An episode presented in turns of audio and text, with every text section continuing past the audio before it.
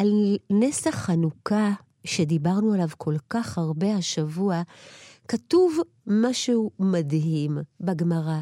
נס חנוכה לא ניתן להיכתב. זאת חידה מאוד מאוד גדולה.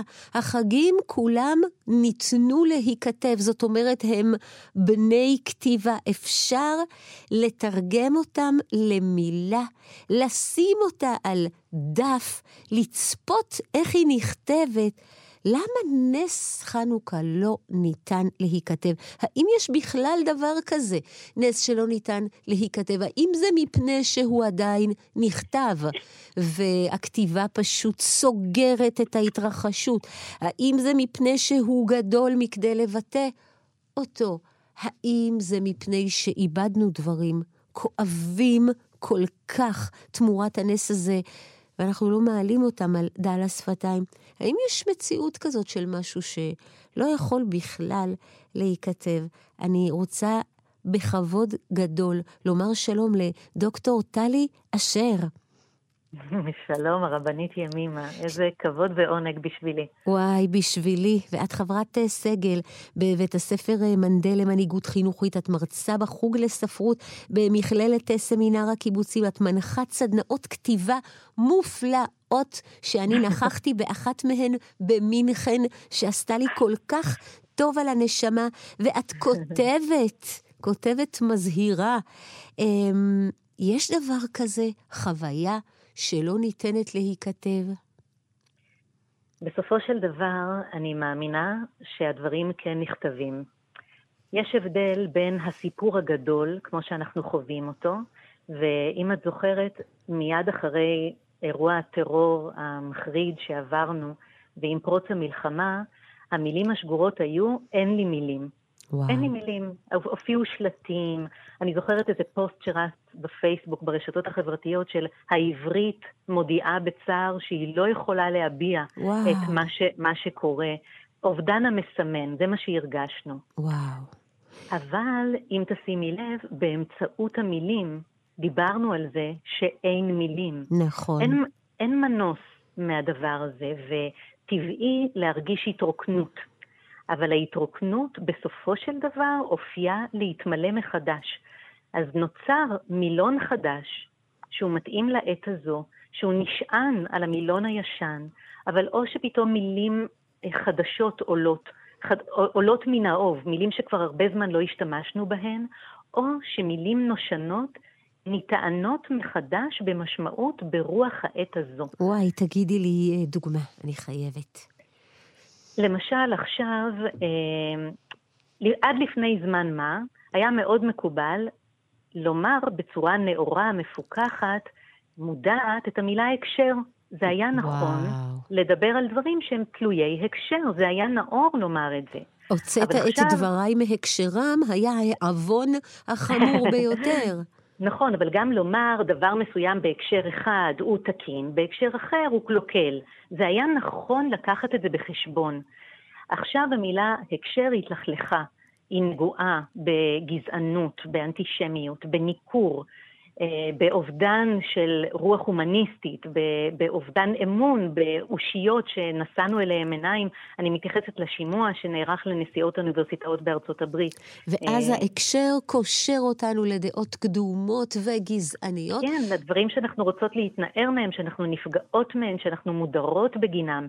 עכשיו, המילה הקשר אין בה רע, אין בה פגם, אבל היא, היא, היא התלכלכה עכשיו. וואו. אז זאת, זאת דוגמה אחת. או למשל, אפילו אני יכולה להגיד לך שאנחנו מדברות עכשיו, כשאני באילת, אה, מתנדבת עם מפונים ומפונות. וואו. ואמר לי אחד המפונים, אה, שבהתחלה הוא הרגיש שהוא צריך לתמוך, לתמוך באנשי הטיפול שהוא פגש. שהוא היה פורק דברים שהוא אמר, הוא אמר, הם באו עם כוונות טובות, הם באו חדורי אמפתיה, כמה המילה אמפתיה יפה, היא נשגבת, היא נחשפת. אבל הוא אמר, אני הרגשתי שהם לא יכולים לעמוד בזה, שאני צריך לתמוך בהם, לתמוך וואו. בי. אז המילה אמפתיה, צריך רגע לנקות, לנקות אותה, וואו. לנקות את האבק ממנה ולטעון אותה מחדש. וואו. אז אני חושבת שמול הסיפור הגדול, את הסיפור הגדול קשה מאוד לבטא במילים. מה אפשר לבטא? את הקונקרטי, את הרגעים, להגיד שעות על גבי שעות אחזנו בידית של הממ"ד, את זה אפשר לומר. וואו.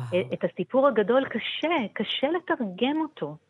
נכון. אבל אם אנחנו נאחז בקונקרטי, זה משהו שאני חושבת שיכול לעזור, ולאט לאט לייצר את המילון, את הטקסטים של הזמן הזה. וואו. יש משהו בביטוי שבעצם מאמת את האמירה. אתמול הייתי אצל מורן, שישבה שבעה ל... האיש הגיבור שלה, יונתן דוד, היא נשארה עם אה, ילדה בת אה, שנתיים, והיא אומרת כן. שהיא ישבה שעתיים עם הקצינים שהודיעו לה את הבשורה, היא הבינה היטב מה קורה, שעתיים עד שאימא שלה הגיעה, והיא אומרת לי, רק כשאמרתי לה בפה, אמא, כן. יונתן נהרג, זה קיבל פתאום ודאות. נכון. המילה בעצם אה, מקלה עלינו אולי לשחרר...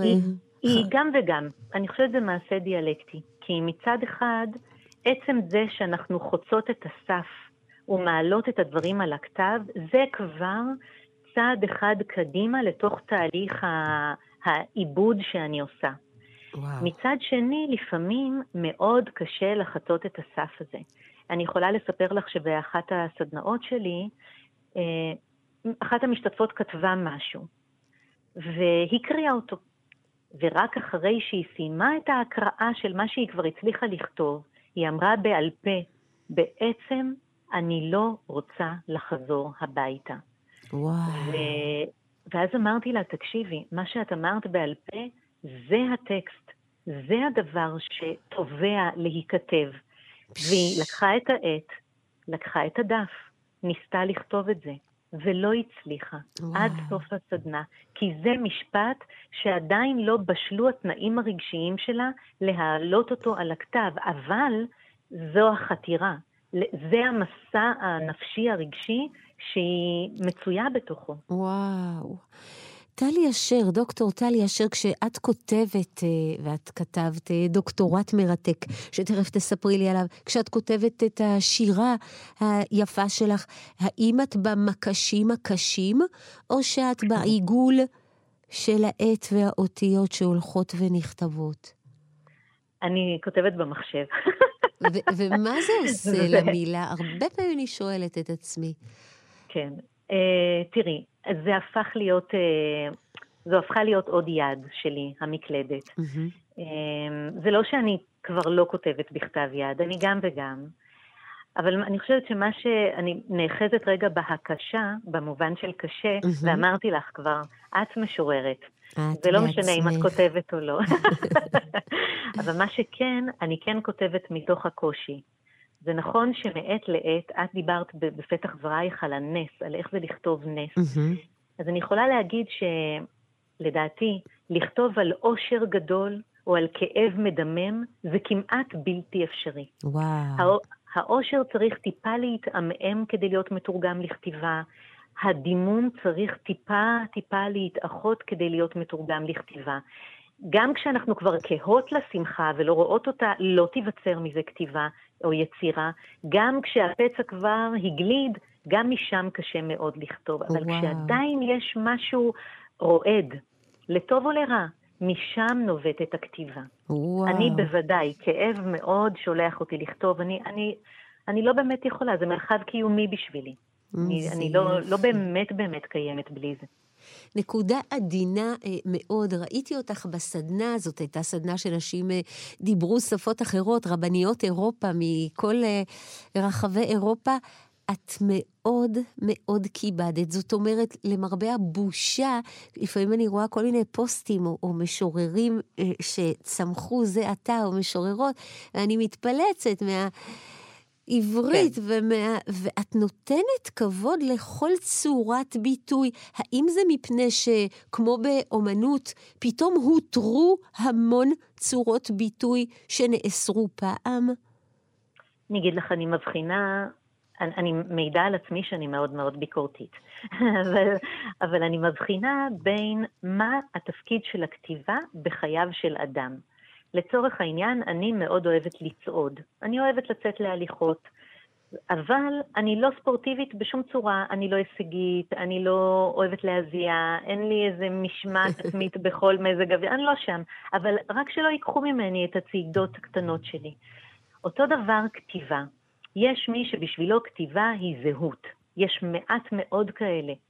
אבל האם הכתיבה יכולה להיות צעידה בפארק לאנשים? כן. וזה אני דווקא מאוד מאוד מזמינה.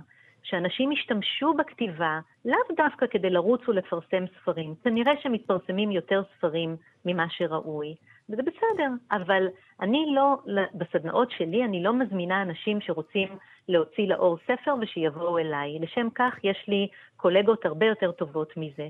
אליי באים כדי לכתוב לטובת הרווחה הפנימית, לטובת ההתפענכות האישית. איזה זו יופי. המטרה. איזה יופי. דוקטור טלי אשר, את uh, כתבת uh, דוקטורט על הספרייה, מקומה של נכון. הספרייה uh, בחיינו. Uh, מה מקומה באמת? ישבתי השבוע בספרייה הלאומית החדשה, כאן כן. בירושלים, כל כך יפה, ובאמת כולם היו עם המקלדת, הספרים שם ישבו בענווה סבלנית על המדפים, וראו את האישה החדשה תופסת להם את המקום. יש עתיד לספרייה? אה, יש עתיד כי יש עבר. הרבה מדברים עכשיו על חשיבות הרציפות בתקופה של טראומה, בתקופה של משבר. הספרייה היא נכס ששרד מתחילת האנושות, ומתוך כך היא תמשיך להתקיים. בעצם לספרייה יש תפקיד בהוויה החברתית שלנו, בזהות האישית והקולקטיבית שלנו, והיא נותנת לנו רצף. כמו שדיברנו קודם על האין מילים, התחושה של אין מילים, נכון. אבל מאיפה שאבנו את המילים? מן העתיקות, מן המקורות, מהמילון שכבר קיים אלפי שנים. והספרייה היא אותו דבר, היא משנה פניה, כמו שגם אנחנו, אנחנו לא נראות כמו שאימהותינו או סבותינו נראו, לא בדיוק אותו דבר, נכון. ויחד עם זאת יש איזה רצף קיומי שנשמר. אז האם הספרייה משנה פניה? כן, וטוב שכך. אבל יש לה תפקיד בהבניה של עם, של זהות, והיא תישאר, היא מחוז זיכרון בפני עצמה.